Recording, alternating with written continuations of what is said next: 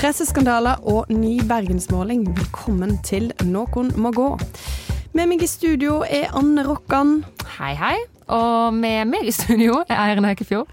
Hallo, hallo. Og selvfølgelig Gerd Kjeldfot endelig tilbake. Mhm. Jepp. Eh, det er jo sånn akkurat nå at det er krig i Ukraina. Eh, og det skjer veldig masse Renner inn i Europa. forferdelige nyheter. Ja. Vi kommer ikke til å snakke om det eh, i denne podkasten her. Eh, det føles kanskje litt useriøst, og hvis du føler på det, så eh, kan du gå inn i Noen må gå-feeden eh, til i går.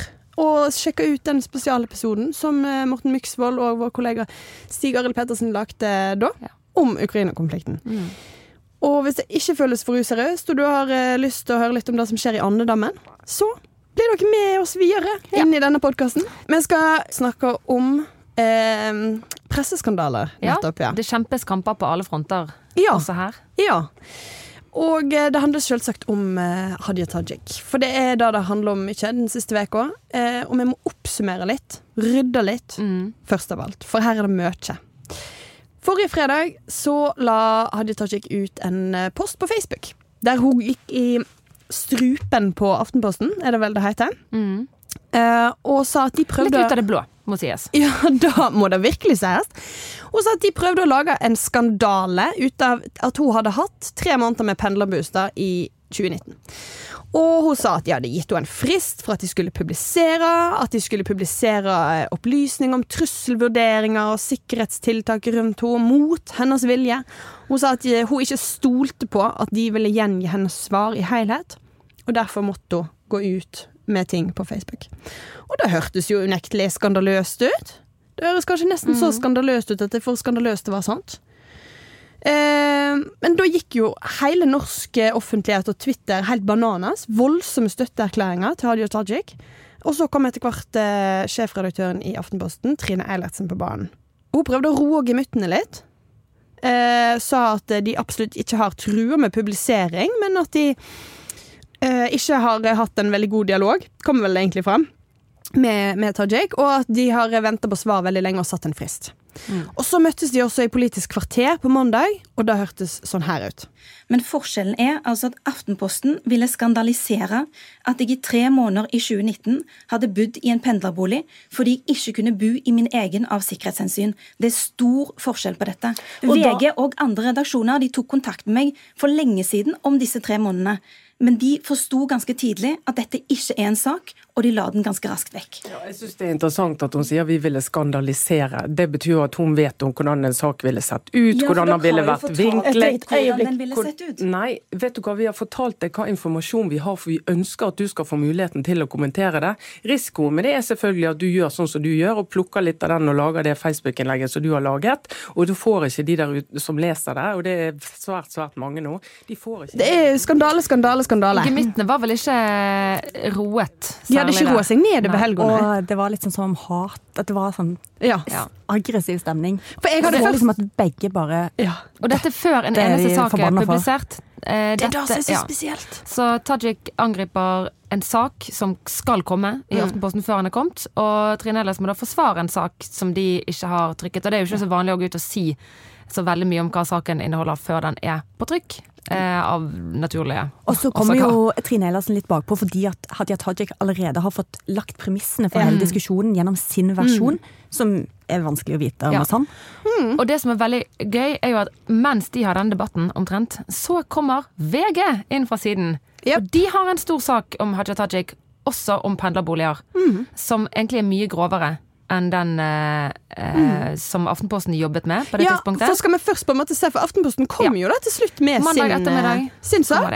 Mm. Og, og da stilte de altså spørsmål ved disse tre månedene hun hadde hatt eh, pendlerbolig.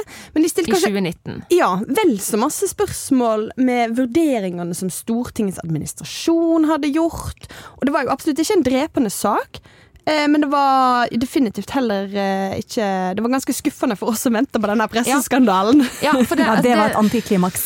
Ja. Virkelig. For det den handler om, er jo det at hun hadde Ja, tre måneder i 2019 så hadde hun pendlerbolig fordi at hun skulle selge sin bolig. Ja. Eh, i Oslo, og hun kunne ikke bo i den mens den lå ute for salg. Fordi at hun lever under sterke sikkerhetstiltak, og det å ha sånn hennes adresse, eller hun må jo stå som eier eh, på det, Det prospektet sånn. ja. Men Så det er ganske ja. plausibelt, Og det får- hun stor forståelse for. Vi vet jo allerede at hun lever under sikkerhetstiltak, har blitt trua på livet. Ja. Eh, det er lurt av hun å ikke bo så Ja. tilgjengelig for Og eh, galninger. PST sa jo det at de hadde anbefalt henne ikke bo hjemme under prosessen. De har ikke nødvendigvis anbefalt henne å ha pendlerbolig. Hun kunne også bodd hos kjæresten sin, som også bodde i Oslo. Som de var, og de ville vært også fornøyd med det, sa de. Men jeg skjønner henne egentlig godt at når hun har en kjæreste med to eh, store barn som også bor der, og det er en litt liten Altså, jeg kan forstå at hun, at Du er veldig forstå Du er òg en sånn som liker litt personal space. Nei, ja, det gjør jeg. Men det er liksom, jeg, altså, jeg klarer ikke å hisse meg opp over at hun tre måneder i altså, jeg tenker Hun bor i en såpass anstrengt virkelighet boligmessig fra før at tre måneders pendlerbolig akkurat under en salgsprosess det, Jeg ser ikke på det som en stor okay, ja. Men, Eh. men greit, men, men, men spørsmålet var veldig legitimt, da, tenkte jeg. Og, Mm, ja da. og, Og det syns hun svarer det ut enkelt. Jeg kunne Ja. ikke bo hjemme. Det var trangt hos kjæresten min og hans familie, og det er jo en overgangsprosess, at de har ikke vært sammen så lenge, og det så Men vet Hvis vi ikke skal gå helt inn i det, da, Anne, så var jo også poenget til Aftenposten var at Mm. hun hadde ikke søkt eh, pendlerbolig fordi hun eh, fordi hun var altså med sikkerheten som utgangspunkt. Hun hadde søkt pendlerbolig fordi hun eh, på en måte på vanlige eh, premisser, som var Ja. at hun hadde en bolig hjemme i, i, Sandnes. i Sandnes, og nå ikke hadde bolig i Oslo. Og så stilte Mm. de på en måte noen spørsmål ved det. OK, ikke en voldsom skandale på noen ender av skalaen. Men så som du ser, så kommer da denne VG-saken som ulmer opp. For den Eh, handler om noe annet. ja. Og, eh, og ehm, eh, der går de så tilbake til 2006, når Tajik var 23 år. eh, og fikk pendlerbolig. Hun var blitt politisk rådgiver og skulle få det. Da opplyste hun først at hun ikke hadde boutgifter ellers. Og fikk beskjed om at eh, det er fint, du får pendlerbolig, men du må skatte av dette godet. Og da endra Tajik plutselig søknaden og leverte inn en leiekontrakt fra heimfylket, eh, der hun eh, skulle leie en leilighet, som hun òg endra folkeregistrert adresse til. Men som hun sjøl sier, denne leiligheten flytta hun aldri inn i, og betalte aldri leie. Det bekrefter hun i ettertid. Eh, hun sier derimot at hun hadde rett på gratis pendlerbolig likevel, fordi at hun betalte penger til foreldrene sine, som hun bodde med når hun var hjemme. Hun betalte utgifter for dem. Og det kan jo være stemme. Det fins det ingen dokumentasjon på. Men er det ikke òg veldig irrelevant, all den tid det er noe hun kommer med i dag, eh, 15 år senere, og til, eh, til eh, statsministerens kontor, som hadde saken den gangen, så var det denne leiekontrakten hun oppga, som hun også har en veldig spesiell ting, for den er datert tilbake til før hun leverte den første søknaden. Ja. dagen før. Så hun leverer først en søknad, har ikke boutgifter. Så går det seks dager, så leverer hun en ny søknad og sier jeg fikk boutgifter for syv dager siden. Ja. Sånn at hun har signert en leiekontrakt dagen før hun sier jeg har ingen boutgifter. Det er ja, veldig rart er å glemme det på 24 timer. En leiekontrakt som er hos naboene hos foreldrene. Mm. Dette Dette virker jo ekstremt konstruert. Ja. Hun har aldri bodd der, aldri betalt. Og så, eh, i ettertid, da, så kommer hun Ja. med disse utgiftene mm. det- til foreldrene, som Ja. hun aldri har mulighet til å Hun, hun klarer ikke å dokumentere det, sant? for de skrev ikke kontrakt, og hun har ikke fått noe kvittering. Og det er for så vidt Det tror ikke jeg kan Altså, det er noen for så vidt naturlig at man ikke Skrive kontrakt med foreldrene? Ja. Ja, derfor, Sant? Det, det, er, det er en innforstått sånn. Ja, ja. Hvis du skal bo her, så spytter du i 2000 i måneden, eller hva man. Sant? Men eh, problemet er jo det altså Hadde hun bare kunnet dokumentere dette og, og vært ryddig, så har hun egentlig ikke gjort noe galt, hvis det hun sier stemmer. Hun, hvis hun har hatt boutgifter der hun Altså i det eh, distriktet hun kommer fra, så har hun rett på pendlerbolig. Ja, hvis så lenge du kan krysse av om du så betaler én krone i leie, så vidt jeg forstår det, så er det irrelevant. Har du ja boutgifter, så får Mm. du skattefri pendlerbolig. Har du nei boutgifter, så må du skatte fra den. Mm. Som lønn. Ja, men poenget igjen er at det her var ikke noe som var et tema den gangen. For den gangen var det denne leiekontrakten som Ja. hun leverte inn. Og ja, det ser plutselig veldig, veldig, veldig spesielt ut. Og så sier Tajik sjøl ja, dette ser veldig uryddig ut. Veldig god Ja. journalistikk. sånn sånn, Når hun da i denne diskusjonen med Trine Eilertsen Ja, nei, altså vi forstår jo at dette er en sak, for det forstår vi jo at uh, journalistene går inn i. Og så er hun jo litt sånn nedlatende og bare sånn Ja, dette er jo veldig bra jobba av dere, klapper hodet. Det er du som har gjort ja. det som er feil her. Ja. ja. Eh, og vil jo åpenbart da trekke oppmerksomheten vekk fra den saken som er ekte. Det er da som er det store spørsmålet. da Hva var alt dette Aftenposten-styret bare for å Ja. lage masse, masse bråk For Og hun- trekker vekk oppmerksomhet fra den ekte saken. Ja, for det er to ting her. Ene, har hun gjort noe galt pendlerboligmessig? Det finner vi nå, det får nå Stortinget finne ut av. Og det andre er, hva skjedde med den der eh, operasjonen hun hadde eh, den helgen, eller de, de dagene? For det, hun har jo visst veldig godt, hun vet at Aftenposten-saken kommer, fordi at hun har fått sitatsjekk og Det er ikke Aftenposten-saken.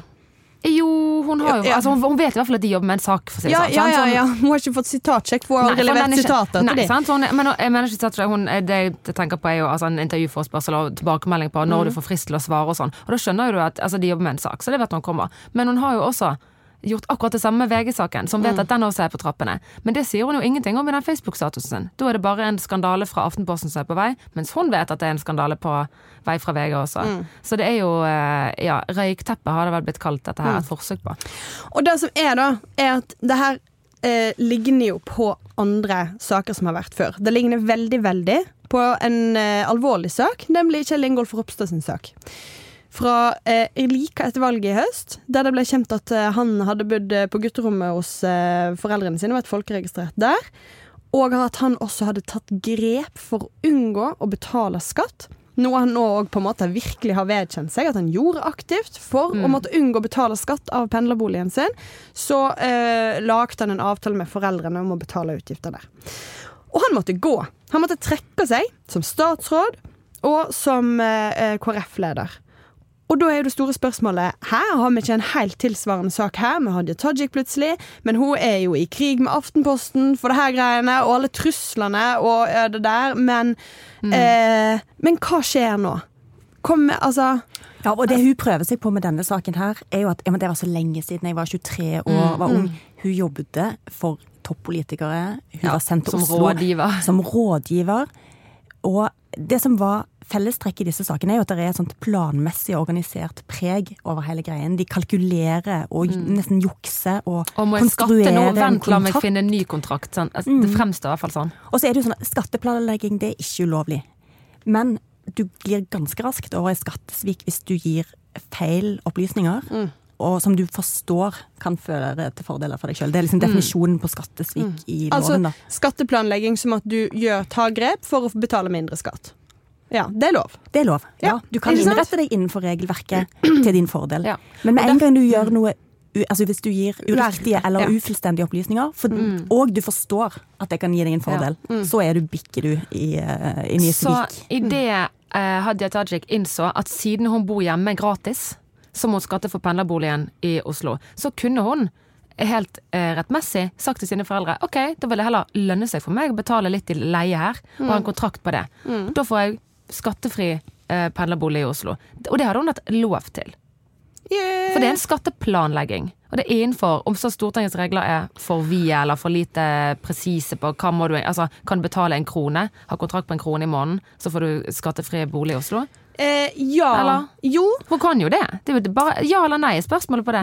Har du, eller har du Nei, ikke til det, men sånn, kontrakten spør jo det. Har du eller har du ikke utgifter på hjemstedet ditt? Og hvis hun kan si ja, det har jeg, jeg betaler 1 krone og 50 øre til mamma og pappa hver måned, sånn at det har jeg. Men- så har jeg svaret okay, ja. Og ja, da er det skattefritt. Det er men så kan du likevel løst. si at moralsk sett ja, ja. ja. Men sånn skatteplanlegging, det kan også si det må Men det er lov. Det er Ja lov å innrette det er seg. mye skatteplanlegging som òg bare er lurt, da, og som må være greit. Men, eh, men altså som, som alle jo gjør. Alle prøver jo å få de fradragene på skatten som en har krav på. Mm. Ja, vi lager jo journalistikk på hvordan du skal få det til. Så, Så det må være greit. Ja. Men det er, det er en, det er en men eh, jeg syns det er noen for, altså, Og jeg må kjenne Jeg syns det er eh, komplisert å si at dette er det samme som Ropstad. Og det er fordi jeg må bare innrømme at jeg har sånn bias. Sant? Jeg liker Hadia Tajik. Jeg syns hun virker dyktig. Ja, der ser du. Ja, sant? Ja. Og så kommer em, eh, Ropstad og så tenker sånn Å ja, han er abortskeptikeren fra bibelbeltet. Og så syns jeg det er litt sånn Jeg godter meg mer når han går på en smell, enn når, eh, når Tajik går på en smell. Og det må jeg bare viktig. ta meg i. ja, ja. Fordi er Hadia Tajik too big to fail, er jo Ja. det store spørsmålet. Fordi at Ropstad han var en fyr som folk var litt etter. Altså i allmennheten. I KrF Mm. så var han relativt populær, sant? Eh, men i den store folkehavet så er jo ikke KrF et parti som veldig mange eh, stemmer på. Det er, et parti, det er det partiet som er mest mislikt. Og Mm. han var en person som hadde eh, irritert folk med å ha Ja. en god del kontroversielle Ja, og veldig sånn moralistiske. Ja. Sant? Og vi skal, her må vi være snille med Og da er, det, da er det ikke så vanskelig å la seg provosere. Nei. Og godter vi oss litt Hadia Tajik selv, er, ja. er, Og nå skal vi bare si at Hadia Tajik er også en, en hata person. Det viser jo eh, sant? Altså, vi skal ikke Hun er ikke bare populær. Altså til, til det ekstreme og til det ulovlige og, og Altså, du mener du at hun, er, At hun jevnlig blir fortalt at hun skal dø? Absolutt. Og det skal vi ikke bagatellisere i det hele tatt. Og at hun har levd et uh, vanskelig liv på grunn av det. Virkelig. Og det er grunn til å ha respekt for at hun fortsatt er i politikken, egentlig. Eh, eller eh, virkelig, eh, Ja. med alt det hun har levd i. Men, men hun er også en veldig godt likt person, og har en voldsomt høy stjerne i Arbeiderpartiet. Og veldig mange ser jo for seg at hun er en framtidig leder i Men Arbeiderpartiet. jeg tror hun òg kan tape på det, for hun også er jo litt sånn moralistisk. Vil Ja. gjerne være så skikkelig, ordentlig, pliktoppfyllende. Hun har jo jo sin- et rykte og, en, og, en, og en fremtoning som gjør at du, hun virker troverdig, du kan Ja. stole på henne. Hun er jo i Arbeiderpartiet, du kan ikke drive med skattesvik i Arbeiderpartiet. Men det er jo nettopp da òg Ja, at den motsetningen mellom hvordan du vil og Ja. har fremstått, og hvordan du på en måte egentlig har operert Ja. i kulissene, det vil jo felle deg da. Og, Men jeg syns det er det- noen faktiske forskjeller på sak. Eller det er jo det, de er jo på en måte ny, nyansert, men eksempel det at Hadia Tajik hadde jo krav på pendlerbolig. Det er bare det at hun skulle skattet for han, mens Ropstad eide jo eh, over lang tid en bolig i Oslo. Og, Det var andre ting, og, han, og han, familie, han var gift og hadde flere barn, og samtidig påsto at han bodde og hadde adresse på gutterommet hos foreldrene. Men Sadia Tajik hadde det jo faktisk. Jo, men jeg er litt uenig med deg, fordi måte, ja, det er også et bak, del av bakteppet for han, men det som var den drepende saken for han, var absolutt at han hadde tatt grep for å eh, ikke betale skatt av Ja. dette gode. Eh, og det er det samme som hun har gjort. Jeg klarer ikke å se på ja, det på en annen Vi måte. Men, antar det. Det, det, vi, vi antar, det kan være at hun har helt rett. At på den tiden, sant, det er lenge siden hun var ung, at hun la, to, lagde denne leiekontrakten. Og ja, det ser jo utrolig spekula Eller det ser utrolig eh, galt ut. Men det kan være at hun tenkte sånn Ja vel, men hvis jeg får skattefri bolig hvis jeg leier hos eh, Granden, så, eh, eh, så gjør jeg det, da. Og hun mente å betale de pengene, og mente å måte ha det som en adresse. Men så endret ting seg litt. Fant ut jeg kan jo like greit betale penger til mine egne foreldre. Og så liksom glemte de å endre, skrive en kontrakt og bla, bla, bla. gle- Glemte sa opplyse til Stortinget. Ja, ga hun Ja, ikke hun- beskjed ja, Altså, hun har fortsatt gjort mange feil. Ja, men det, sant, det er det, ja, og det er jo feil at Ja har da, en opplysningsplikt. Men vi, kan, vi antar jo, og det ser jo absolutt sånn ut, vi må, vi må jo nesten altså, ja. Vi, vi kan ikke gå inn i hva som har vært hennes intensjoner med det. Nei, Men det ligner veldig masse. Eh, Ja, men den store, store forskjellen er egentlig tidsrommet og tiden som har gått. Eh, fordi at dette er 15 år siden, det andre var Mm. i forfjor. Eh, ja, sånn det var jo dritlenge det òg, da. Nei da, den, de, Men over sak, lang tid. Uh, Ropstad sin sak var uh, Den selve saken var etter han var statsråd. Um, sant? Sånn, at, sånn at det var veldig nylig. Um, så spørsmålet er om det er en foreldelsesfrist her, moralsk, på en måte, har noen kalt den. Altså, uh, skal vi unnskylde henne fordi at det har gått veldig lang tid før dette på en måte er oppdaga, hvis, hvis vi går ut fra at dette er feil. Em, og, og på en måte er det formildende at hun var 23. Ja. Em, Det, kan jo folk få lov til å tenke, men det at hun liksom sier det sjøl, da. At hun bruker det nesten som argument for at ja, men jeg var ung og Nei, Ja. du var faktisk mm. en rådgiverposisjon Ja. i Arbeiderpartiet. Hun var ikke en hvilken som helst 23-åring. Mm. Hun var oppegående. Hun, Hun var altså, jurist nesten på dette punktet sjøl. ja, så hun burde på en måte skjønt Og dette er, er jo, sånn som det fremstår, bevisst kalkulert, nesten dokumentfalsk, hvis den kontrakten da aldri var reell. Hvis hun aldri hadde tenkt å betale. Og hvis Og, aldri, hun betalte jo aldri tilbakedatert. Så det, Ja. det er jo um, ja. jeg, skurkaktig. Og kan vi ta bare én kjapp eh, Nå har vi snakket om selve saken, men kan vi ta ett kjapt tilbakeblikk? For det kan dere rydde litt i. Hva er det hun, det hun anklager Aftenposten for? Ja, for, men For jeg- Kan jeg bare få se på Ja. veien inn dit? For jeg vil òg dit. Men, men, Da går vi dit sammen. Ja, fordi jeg tenker at det òg er et argument for at dette er, er gale, da. Fordi at én ting er jo hva hun gjorde da, og så er det på en måte problemet eh, hvordan hun håndterer det nå. Mm. Eh, som òg er på en måte eh, et spørsmål om det moralske oppi her. Forteller hun oss sannheten når dette kommer fram? Er hun oppriktig med oss? Eh, eh, og så videre. Og så må vi jo nevne, det har vi jo ikke nevnt, at hun, nå har hun tilbakebetalt denne skatten. Hun vil gjøre det frivillig. Mm. Eh, da vitner jo på Altså, Det føles litt som en innrømmelse av skyld. Ja, men det vitner Mm. jo òg om en person som vil ta regi på sin egen historie, fremstå ø, Mm. god og gjøre det riktige. Og dette er jo åpenbart et PR-stunt Mm. å betale. Ja, men det er jo eventuelt et avlat. Nå betaler jeg, så kan vi si oss ferdig med det. Please. Og gå videre. Ja, men vi får se. Også, men så er det jo det at du da går eh, På veien så skandaliserer du Aftenposten. For helt normal For det hun har sagt, er jo eh, OK, de tvang meg til å svare på dette. Vi vet jo at hun har hatt en lang De har vært i dialog med henne lenge fra før det. Men de tvang meg til å svare innen hva var det, fredag klokken eh, 22. Og så skulle trua de med publisering. Ja, og så sier hun Og da syns jeg i hvert fall det er rart at når de skal ha absolutt en sånn eh, konkret tidsfrist, syns jeg det er rart at ikke da saken kommer ut rett etterpå. For hvis det var så nøye med den tidsfristen, så hvorfor kommer ikke saken ut? Som er sånn, De må jo på et eller annet punkt tvinge til seg et svar, for hun har krav på å få et svar. Og på et eller annet punkt har du gitt folk en lang nok tid, så er det helt vanlig journalistikk å si nå må vi faktisk snart ha det. Og det er ikke fordi at saken skal ut ti minutter etterpå, det er fordi at vi må ha det svaret så vi kan forholde oss til det. For et godt svar kan jo punktere hele saken. Da blir det allerede noe sak. Og det er jo da ehm, eh, som på en måte litt av krangelen mellom Trine Eilertsen og hun handler om. Uh, fordi at uh, hun sier at jeg har vært i kontakt med, med Aftenposten så masse og prøvd å forklare det, osv., og så videre. Og så sier Trine Eilertsen nei. Du har ikke svart oss. Du har ikke villet eh, stille til intervju. Og det er de to forskjellige tingene, fordi at eh, og, og dette virker som om de er enige om at hun har prøvd å snakke masse med dem på det vi kaller på, på bakgrunn. Og det er ikke informasjon som jeg kan bruke som jeg vil når vi er journalister. Hvis noen forteller oss ting på bakgrunn, eh, så kan det enten være ting man aldri får gå ut med. Da var det under premisset at dette er ikke et intervju. Ja, sant? det er off the record. er det. Ja. Og noe kan være helt off-off. Altså Dette får du aldri fortelle til noen. Da må vi jo journalister generelt bare aldri bli fortalt. Men man kan Men ikke gå bære på ting. vi må også respektere det. Hvis det er premisset for samtalen, hvis du sier 'jeg lover ikke å si det til noen', og så sier noen Ja, 'ok, dette er saken', det, eller så må du så må si- holde deg til den eh, avtalen. Ja da, eller så må du bare aldri må du stoppe det. Du må, ikke, må aldri få høre det hvis du ikke kan si det videre. Eller så kan du få en del informasjon som du kan bruke, men du kan ikke eh, du, du bruker det til din bakgrunn. Til, til, til journalistens kunnskap, som du så kan bruke videre i arbeidet ditt, men du kan ikke sitere noen på det. Og det er da de har hatt, de har hatt en samtale for å prøve å liksom komme på samme side, og der har det åpenbart stranda. Og da kan det være at Aftenposten har gjort feil, at de har eh, ikke hatt en god tone, ikke klart å opprette en god dialog. Det kan være Aftenposten sin feil, det kan være Tajik sin feil. Eh, men uansett. Men, men har ikke, hun har ikke villet stille til intervju.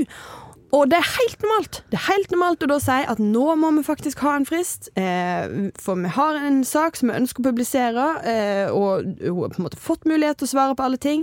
Eh, dette er den siste fristen, og så må vi ta våre vurderinger. Det betyr ikke at de skal publisere 22.01. Nei. Eh, det betyr at da skal de gjøre den endelige vurderingen på hvordan denne saken blir.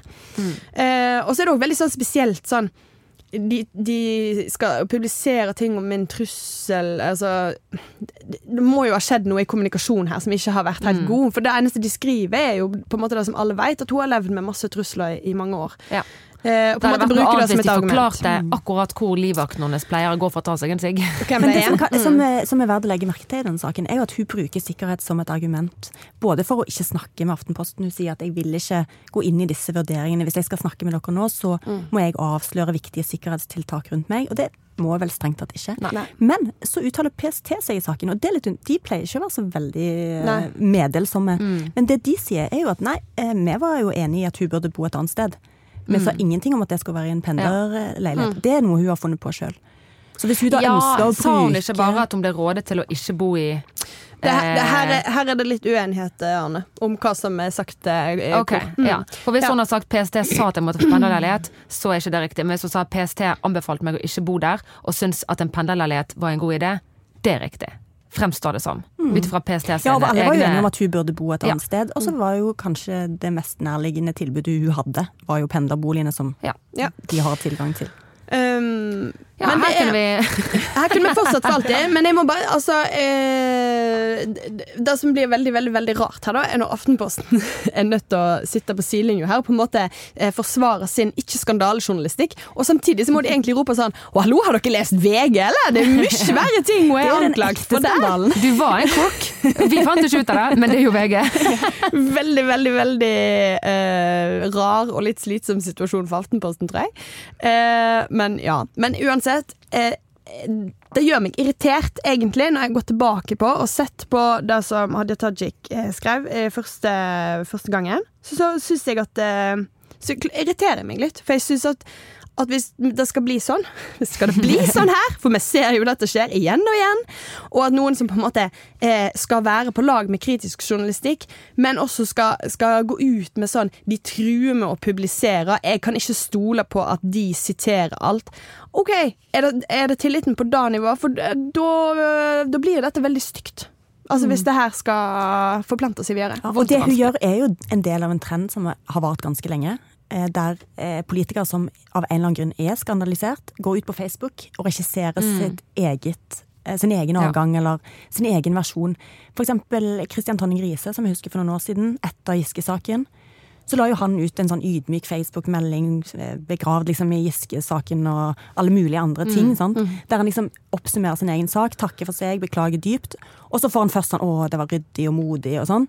Og så viser det seg jo ofte at du har ikke sagt alt. Det er mer. Mm. Det er mer. Og det Beklaget for den mer. minst alvorlige saken. Ja, sant. Og det er kanskje det Hadia Tajik òg risikerer nå. At hun har gitt en versjon som ikke stemmer, mm. viser det seg til slutt. Ja. Og da vil det slå tilbake på henne. Ja. Vi får se. Eh, vi skal tilbake til Bergen et lite øyeblikk. fordi denne uka ja, eh, så kunne Bergens Tidende presentere en ny bergensmåling. Og den viser at Rødt og SV nå er større samla sett. da enn Arbeiderpartiet i denne byen. Det er et voldsomt hopp på venstresiden. Denne her målingsgrafen vår, eller baren, den bare det er utrolig eh, venstretung. Den bare vipper ja. eh, over der. Og helt ute på Fløyen. Eh, og eh, hva er det som skjer? Er det bare nasjonale trender? Da, for, det, for, det, her ser vi jo egentlig i hele landet. At eh, Rødt og SV gjør det vanvittig godt for tida. Eh, på bekostning av mange andre, egentlig, og selvfølgelig Arbeiderpartiet. Mm. Eh, og er det bare det som har Bergen plutselig blitt en del av Norge? Nå har vi lagt bybanekonflikten bak oss. Skal, skal folk stemme for noe? Ja, for Bybanesaken har jo vært den eneste store saken som virkelig har liksom splitta partier. Og jeg syns det er vanskelig og, å se noe bybaneavtrykk ja. i denne målingen, så jeg vil jo tenke at det er en avspilling av det nasjonale. Mm. Og det er interessant at vi har uh, styrt på og krangla i ti år, og så tok det to måneder. Så var det glemt. Så var det strømkrisen som avgjorde. Men nå sitter ja. jo Arbeiderpartiet sammen med Venstre og KrF. Og MDG. Mye, Og MDG men, på, men, med de to i hvert fall mye på grunn av Bybanen. Ja. Um, og det ser jo ikke ut som har gått så veldig bra for i hvert fall for KrF, som er nede på ett mandat. Hadde det vært valg i dag? Ja. De får 1,8 prosentpoeng, eh, eller prosent oppslutning i denne målingen. Og eh, det er egentlig ingen i sentrum som gjør det. Det, det er det jeg ser, at denne grafen blir veldig veldig venstretung, for det er på en måte tomt i sentrum. Mm. Det er nesten ingenting der. MDG gjør det dårlig, Senterpartiet gjør det dårlig. Vi kommer tilbake til det. Eh, og så har du Høyre på andre sida, som er største parti i Bergen. Mm. Eh, helt eh, 10 over Arbeiderpartiet. De får 30 Soleklart. Men det er jo på en måte normalnivået til Høyre i denne byen. Eh, problemet deres fortsatt på denne målingen òg er jo at de mangler gode venner. Eh, så fortsatt på denne målingen her så er det venstresida som ville fått et flertall, men ikke den eh, som styrer i dag, med venstre sentrum. Nei, det er den såkalte Oslo-modellen med Arbeiderpartiet, eh, SV og MDG, pluss et samarbeid med Rødt, og der hadde du hatt et Ikke bare er Bergen blitt som Norge, men blitt som Oslo. Ja. Uff, uff. Vi må være glad det ikke er valg nå. ja, Men Rødt er jo også dobbelt så store som MDG. Eh, ja. Det er jo Hæ? Ja, ja, nei, jeg veit ikke. Det, hvordan skal vi forklare dette i denne byen? Men tror vi at Oslo-modellen eh, for det første hadde vært fungert bra for Bergen? Jeg tror nei. Eh, siden dere ikke har noe å si. Eh, jeg liker du stiller spørsmål og svarer på dem sjøl. Ja. Det er flott intervju. Jeg eh, begynner å føle meg som Jens Kiel her jeg sitter.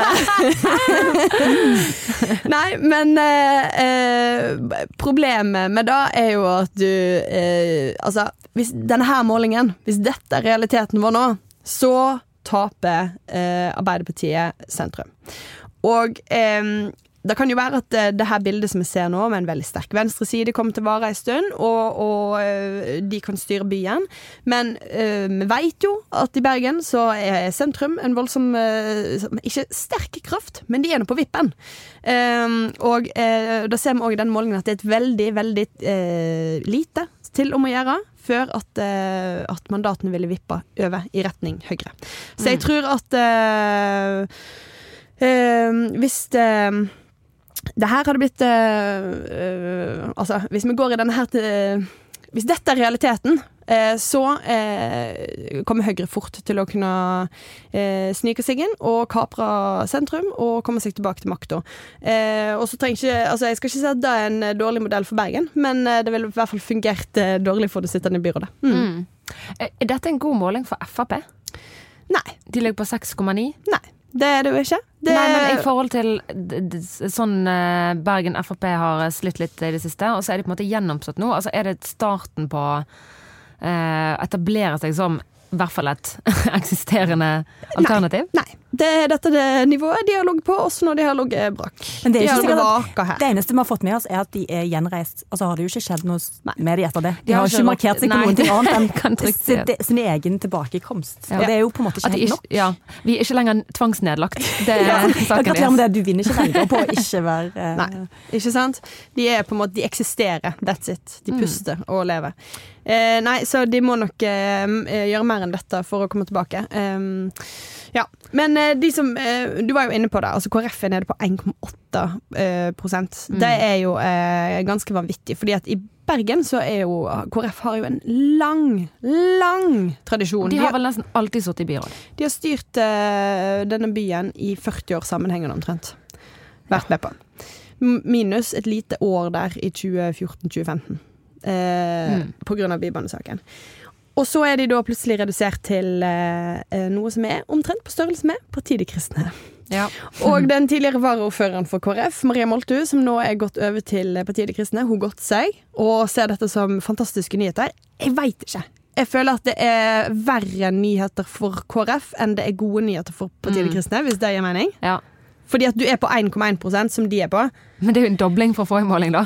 Ja da, Men når det er så små tall som dette, så er det litt sånn OK, du traff en, du traff ikke en, på en Ja. måte på telefonen. Altså, ja, men det er jo det, for De har spurt 600 personer i denne undersøkelsen. Fem stykk har sagt at de vil eh, stemme KrF. Fem stykk! ja, det er helt vanvittig. Og så er det jo et problem for begge de partiene at grunnfjellet dør ut. Så det er jo bare en bekreftelse på at de har bokstavelig talt.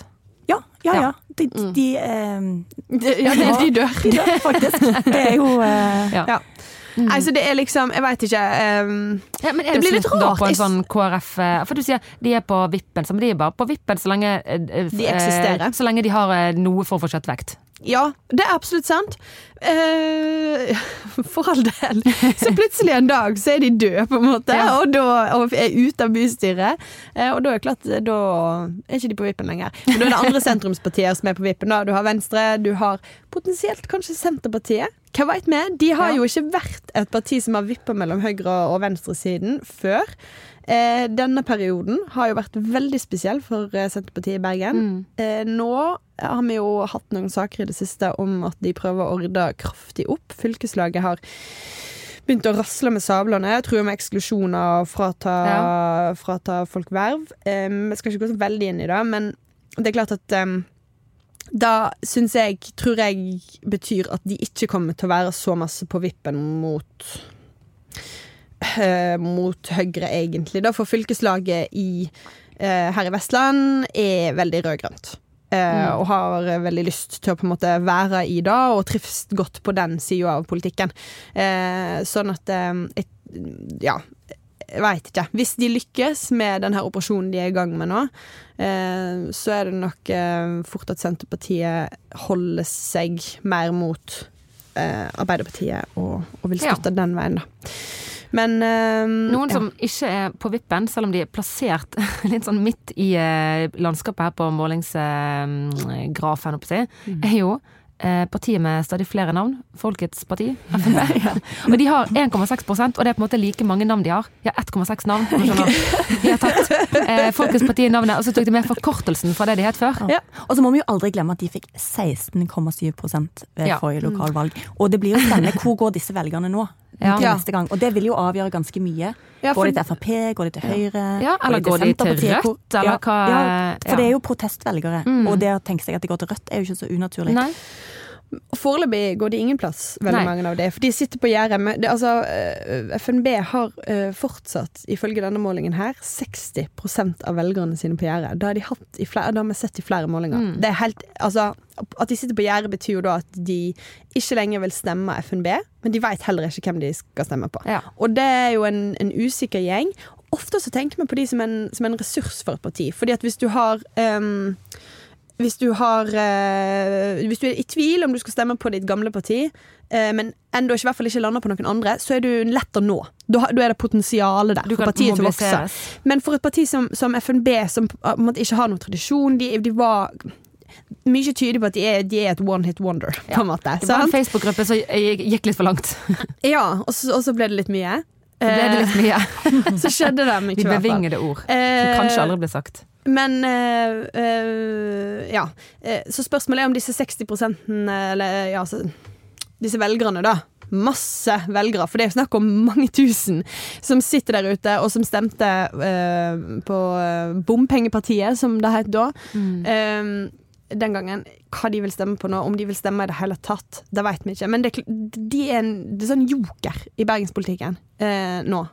Mm. Om, ja. Og jeg tror at høyresida lider litt, fordi det var jo hovedsakelig der Ja. alle velgerne kom fra, og at de fortsatt lider litt av at folk At de kommer ikke tilbake, disse velgerne her, da.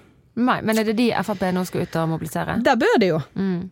Definitivt. Det er jo en, en gjeng som har vist at de kan gå til urnene.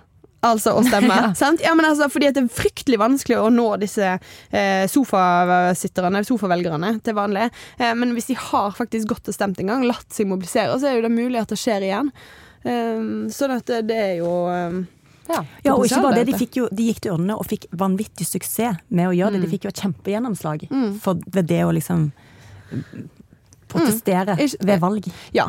Eller de fikk jo gjennomslag i valg på valgkvelden, og Ja. så ingenting ja. mer. Nei, nei, de har fått. Så det er jo det som er litt problemet deres. Da, det, og det er jo litt trist, egentlig. Da. Her hadde du liksom eh, gjort jobben og, og brukt demokratiet og Ja. prøvd Og så bekreftes bare det de tror. At det, det er ingen vits. vits.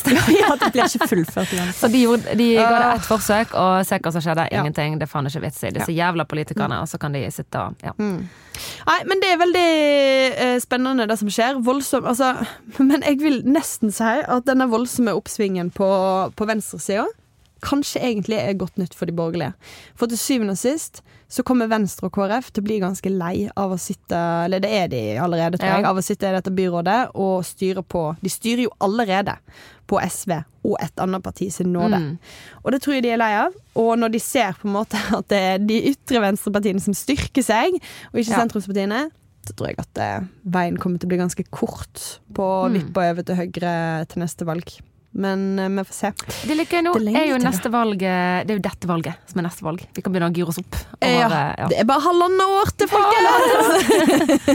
Jep. ja. Vi skal gå videre til vår faste spalte og Vestland ja, Anne apropos, Rokkan. eh, apropos nærområdene. Og valg, for så vidt. Mm. for dagens og Vestland skal rett og slett handle om hvorvidt man kan bli vestlending. Og eh, bergenser. Og vi er litt inspirert av uh, vår uh, form for uh, søsterpod. Nei. Nei, jeg er enig. En litt, de har en litt mer eh, temabegrenset pod. Men i hvert fall våre kollegaer i NRK, Ja. eh, Morten Hammerborg og Elise Faresveit, har laget eh, podkasten eh, Noe for seg sjøl, som da handler om bergensere. Eh, og i siste episode, ja den kan jeg for så vidt anbefale, den er en veldig fin podkast, veldig gøy. Eh, men i siste episode så snakker de altså om hva det, hva det, hvordan man, altså kan man bli bergenser hvis man ikke er født eh, som tredjegenerasjons innbygger her. Eh, og her er altså Morten Hammerborg som, som gir en liten analyse av det. Er en framherskende idé om at man kan bli bergenser hvis man ønsker det. Og ikke bare at man blir det, men at byen har, som det ofte er blitt skrevet, en forunderlig evne til å assimilere alle folkeslag til å bli bergensere. Så Bergen er en slags bergenserfabrikk som eh, fordøyer sine innflyttere, som en skrev, eh, og som på andre siden spytter ut bergensere og holdt på med det i da, ja, snart 1000 år.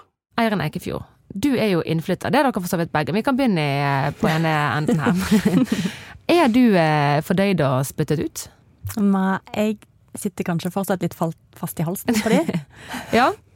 Altså er du, Men hvor lenge har du bodd her? Jeg har bodd her siden 2002, så jeg, ja, eh, 20-årsjubileum. Ah. Ja. Og du har, du har det er ikke sånn at du bare bor litt sånn isolert. Du har jo giftet deg med en erkebergenser og fått to barn med Kav bergensk og etablert deg på Nordnes. Så du er jo eh, eh, Men jeg syns fortsatt min viktigste strategiske eh, triumf var at jeg fikk døtre som ikke da kunne begynne i buehus. Ja, det slapp gratulerer. slapp sånn Ja. Godt jobba. søndagshodepine.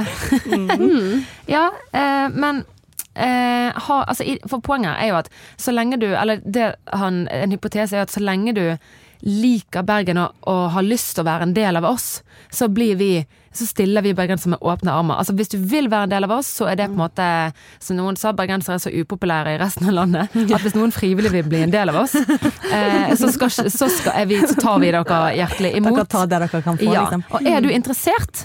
Ja, altså jeg, Bergen har jo virkelig vokst på meg på alle måter. Eh, Hvilket år var det du Mm. begynte å Nei, Da jeg begynte å kjøpe eh, støvler og regntøy, det var liksom da jeg skjønte at jeg kom til å bli her. Ja. Um, at det var en sånn overgang der jeg bare OK, jeg resignerer. Allerede da? Men hadde du ikke det, jo, altså, det var ikke så lenge siden. Hæ, Men altså, ok, det er jo helt sjukt. Men du er jo fra Vestlandet fra før av. Det regner jo i Stavanger òg. Eller bare blåser det? Det blåser mest. Ja. Men jeg, jeg, er jo blitt, jeg er jo veldig glad i Bergen, men jeg tror aldri kan bli bergenser likevel. Nei. Jeg ville aldri tørre å kalle meg bergenser. Jeg føler jo at det er liksom en sånn Du må være født her og ha Ja, dialekten. så du føler det at det ikke- Det er noen sånne eh, identitetsmerker som Ja, så dialekt man må for være eksempel født sånn, veldig- kanskje bare bli sånn. Jeg tenker det, da. Ja. Og så kan du liksom være, være en lojal støttespiller. Eh, og, og inngift og Ja. føde barna deres. Og du kan gjøre masse for bergenserne. Føde barna du deres? Du føder våre bergensere til barn? Her er det noe litt sånn IS-aktig ned og føde barna til troppene. Ja, men vi takker for de barna vi får, også fra deg. Eirin Eikefjord. Eh, ja, hva med deg, Gerd? Er du bergenser? Ehm, nei Jeg vet ikke.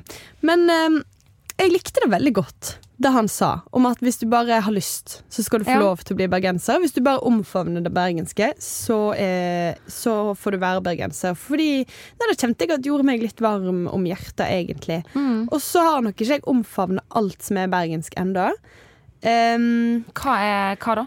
For Nei. du har jo, må sies, gjort det. Altså, du har på en måte ikke giftet deg med en bergenser, men, har du har etablert etablert deg på liksom Møhlenpris, Sydnes, altså også veldig sånn steder med sterk bergenskultur. Mm. Gamle nabolag, bydeler som er veldig solide. Da har vel egne buekorps, sant? og da er det ganske Da bor du i Bergen. ja. Og fått barn som kommer til å snakke kav-bergensk. bergensk. Ja. Og da har jeg innfunnet meg veldig fint med, altså. Det Ja. syns jeg er helt greit. Eh, da må de bare gjøre. Jeg syns det er litt kjekt, faktisk. At de skal bli sånn bytryner. Da det ikke, syns jeg de skal bli sånn originaler. når Altså, ikke alle bergensere blir bytryner på samme måte. De må en tur eller to på eh, legal først. Ja, Men det syns jeg er veldig kjekt, fordi at de skal bli sånne street smart lille små unger. Ja. Og ja, nei, det liker jeg godt. Det er tydelig, da, for du er jo ikke oppvokst i, på brostein. Nei, og jeg er ikke street smart heller. Eh, Syns du klarer deg meget godt. fryktelig, fryktelig. For jeg tenker det med altså, Å ha barn som snakker bergensk, syns jeg nå er sånn veldig koselig og sjarmerende. Men tanken på å ha unger som snakker østlandsk altså, Ja. Mamma, hva gjør det? Altså, det er Ja, helt uaktuelt. det er jo argument Ja, for å bare bo på Vestlandet lenge Ja. nok til at de bare får Ja. landa de eh, Ja. rull- Men, Mm. eh, men eh, jeg har en gang eh, skrevet eh, noe som kanskje var litt dumt. Jeg skrev at vi måtte slutte å gjøre Bergen til noe kuriøst. Ja. Og eh, muligens skrev jeg at ingen har lyst til å bo i en by som er en revysketsj om seg sjøl.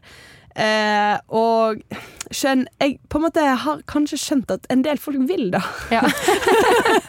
Virkelig inderlig ønsker det.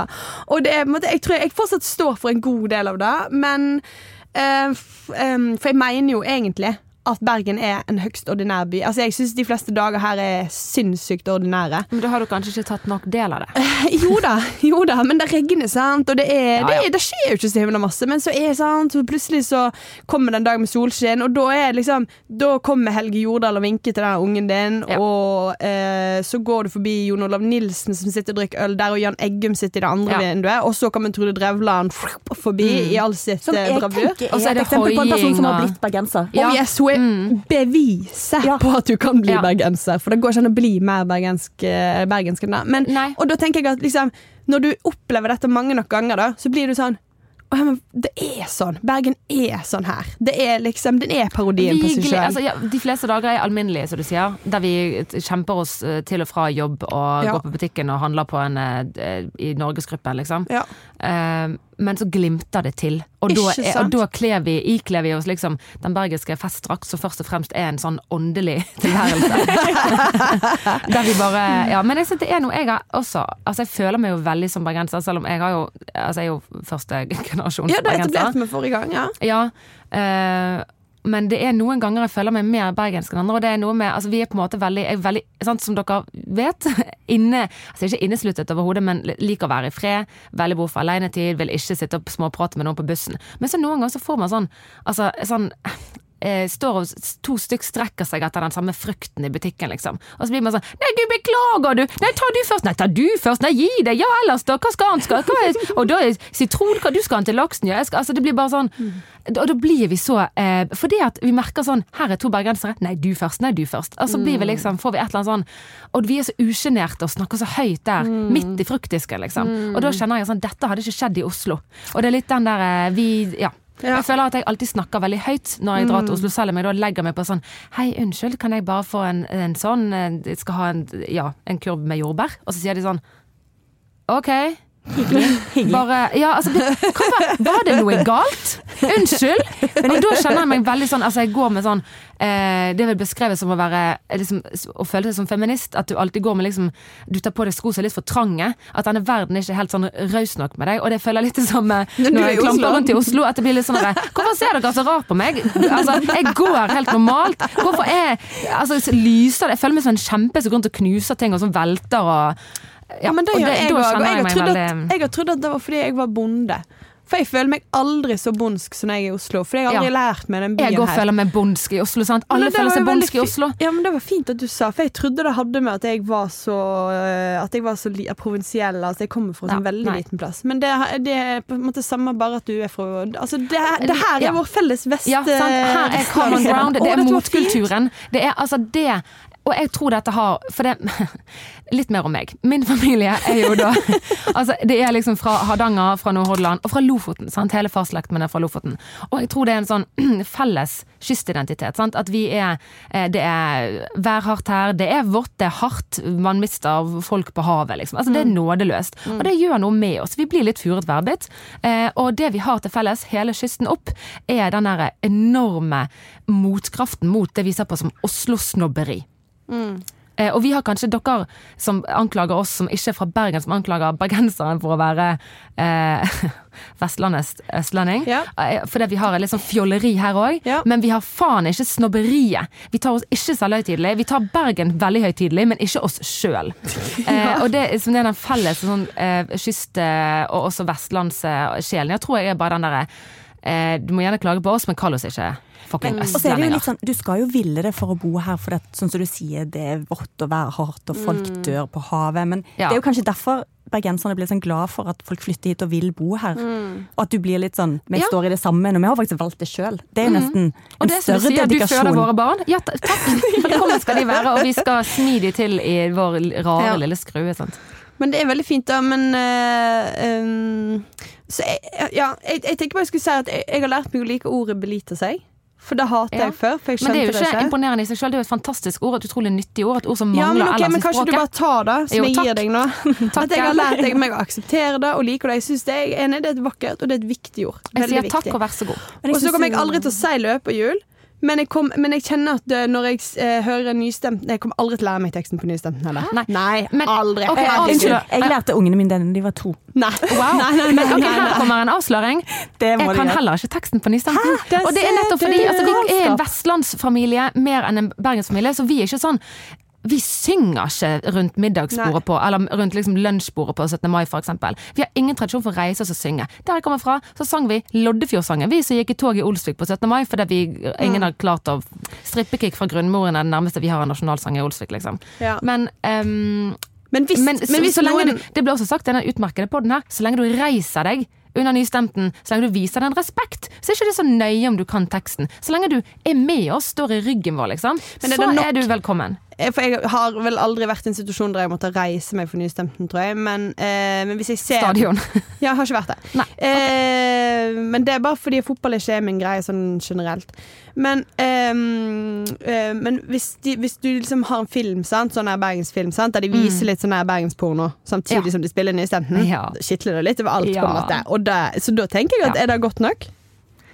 Ja, jeg, altså det er Nå er ikke jeg noe sånn eh, Det må være godt nok. til, eh, Jeg tenker at det må være godt nok. Jeg føler at jeg, jeg liker på Jeg har lært meg å like det. Ja, her, og jeg, når jeg Ja. ser på en måte din tilhørighet her, du jobber i Bergens Tidende. Du er Ja, det er ikke alle som er så fornøyd med at uh... Nei, men du er, du er det, I, I presume. Eller vil du fortelle sjefen til din høyre noe annet? Jeg er veldig fornøyd med det. Ja. Jeg bare skulle si at ja. Men sånn, også, jeg ser, altså eh, Bergens er jo stolt av byen sin også fordi det er en by det går an å leve et godt liv i. Og det fremstår for meg som om du har det godt der du er stolt av dine bitte små bergenske barn som skal inn og Eh, spankulere rundt og si ja. være skjetunger eh, om et par år, liksom. Og tenker jeg Enten du vil eller ei, du, er, kanskje, du kan godt si at du er vestlig, men du er også bergenser, og du trives i det. Og du trenger ikke å si det så høyt, men så lenge det kommer en eh, østlending og ypper med meg, og du tar min side, så er vi på lag. Ja, absolutt. Og så liker jeg òg denne mellomposisjonen vi havner i på en måte. fordi at kan aldri, jeg tenker jeg kan aldri bli bergenser hvis jeg ikke har alt, men jeg kan være liksom på lag med bergenserne. Og så kan jeg ta et lite skritt til siden og være sånn litt kritisk Vi kan le litt av det Ja, òg. vi kan le litt Det må være lov. Men Ja. altså, er det noe Men på bybanekonflikten på en så liksom, er det at raus og fin bergensere er ikke redd for å kritisere hverandre heller. Nei. Så vi er ikke, og det er jo litt Ja. også den der at vi er, ikke, vi er ikke redd for å ta i et tak, heller ikke når det blir jævlig ubehagelig. Mm. Så jeg tenker at det er også en del av identiteten at vi er ikke pysete på sånn eh, Vi, vi kan krangle høylytt, og så går vi og drikker Hansa-pilser sammen etterpå. Mm.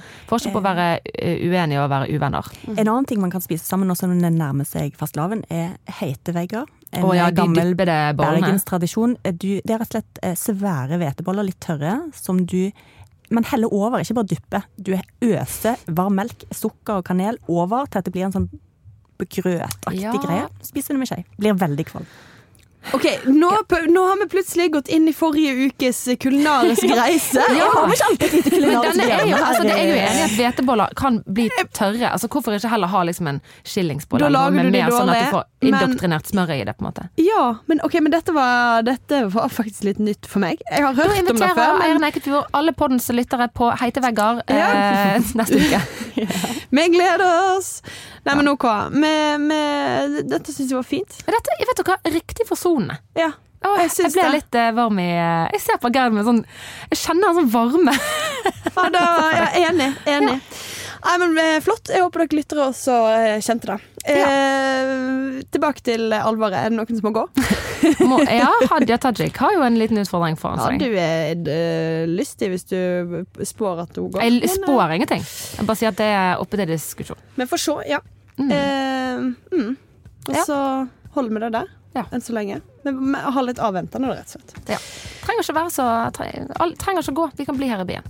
Jepp. Innspill og tilbakemeldinger kan dere sende til eh, bt.no, eller på Facebook-gruppa vår Noen må gå.